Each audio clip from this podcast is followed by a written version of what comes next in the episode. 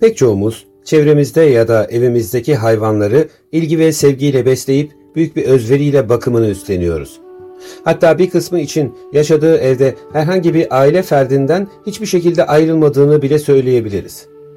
Bir keresinde tanıştığım bir ailenin terrier cinsi köpeklerini küçük çocuklarına dayısı olarak tanıttığına şahit olmuştum.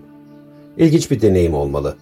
Bir hayvana aileden biri gibi davranılması ve zaman içerisinde insani özellikler kazanmasını amaçlayan bir deneyin varlığını ilk okuduğumda aklıma o çocuğun dayısı gelmişti. Acaba zaman içinde dayılık vasfı ne kadar ilerlemiştir? Biz insanlar bırakın hayvanları, nesneleri bile kendimizden bir parça ile anmayı seviyoruz. Mesela arabalarımıza bir isim takabildiğimiz gibi cinsiyet bile atfedecek kadar ileriye gidebiliyoruz. Benim kızım yokuşlarda bana mısın demiyor. Oğlumun 10 bin bakımı geldi. Bu konuya dair yapılmış bir deneyin ve kurgusal öğeleri daha fazla olan ama minvali aynı deneyin konusu olan bir kitabın varlığından bahsetmek isterim sizlere. 1930'larda Kellogg çifti bir deney yapmaya karar verir. Araştırma konusu bir şempanzenin hemen hemen aynı yaşlarda bir çocukla birlikte büyürse nasıl bir etkileşimi olacağıdır. Kellogg çifti Gua adını verdikleri yaklaşık 7 aylık bir şempanzeyi evlerine getirerek kendi çocukları Donald'la birlikte büyütmeye başlar. Gua ve Donald başlarda iyi anlaşır. Gua Donald'a göre daha hızlı bir uyum gösterir ve henüz çocuk emeklerken şempanze dik yürümeye bile başlar. Gua ihtiyaçlarını Donald'a göre daha iyi ifade eder.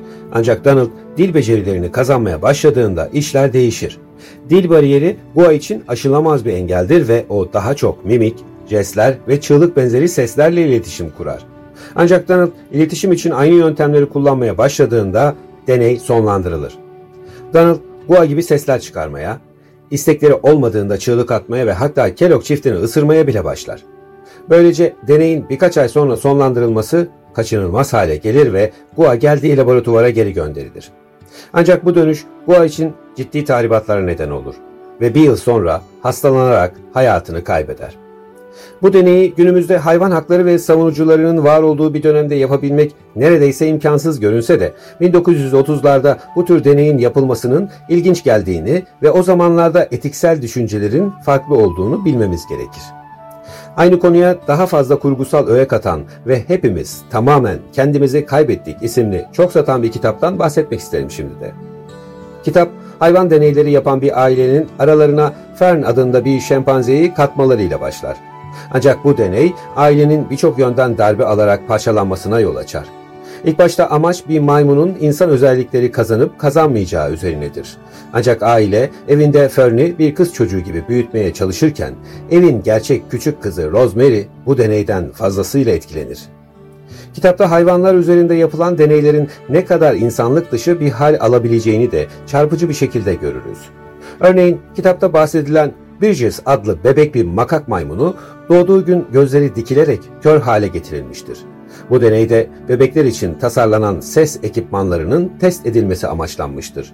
3 yıl boyunca duyusal yoksunluk içinde yaşatılan Bridges'in daha sonra öldürülerek duyusal yoksunluğun beyindeki görsel, işitsel ve motor becerilerle ilgili kısımlara ne gibi etkileri olduğu incelenmeye çalışılmıştır. Kitabın yazarı Karen Joy Fowler bir aile üzerinden güçlü bir kurgu eser yaratırken hayvanlar ve onlar üzerinde yapılan acımasız deneyleri de çarpıcı bir şekilde anlatmaktan kaçınmamıştır. Kitap okuduktan sonra kendime şunu sorduğumu hatırlıyorum. Tüm bu etik dışı deneyler sırasında zarar gören birçok hayvan var ve onlar artık eskisi gibi olamayacaklar. Peki bu deneyleri yapan insanlar, onlar hala eskisi gibi kalabilecekler mi? Sanırım bu pek mümkün görünmüyor. Kitabı okumak isteyenler için basımını Aylak kitabın, çevirisini Niran Elçi'nin yaptığını hatırlatarak bu bölümün de sonuna gelmek istiyorum.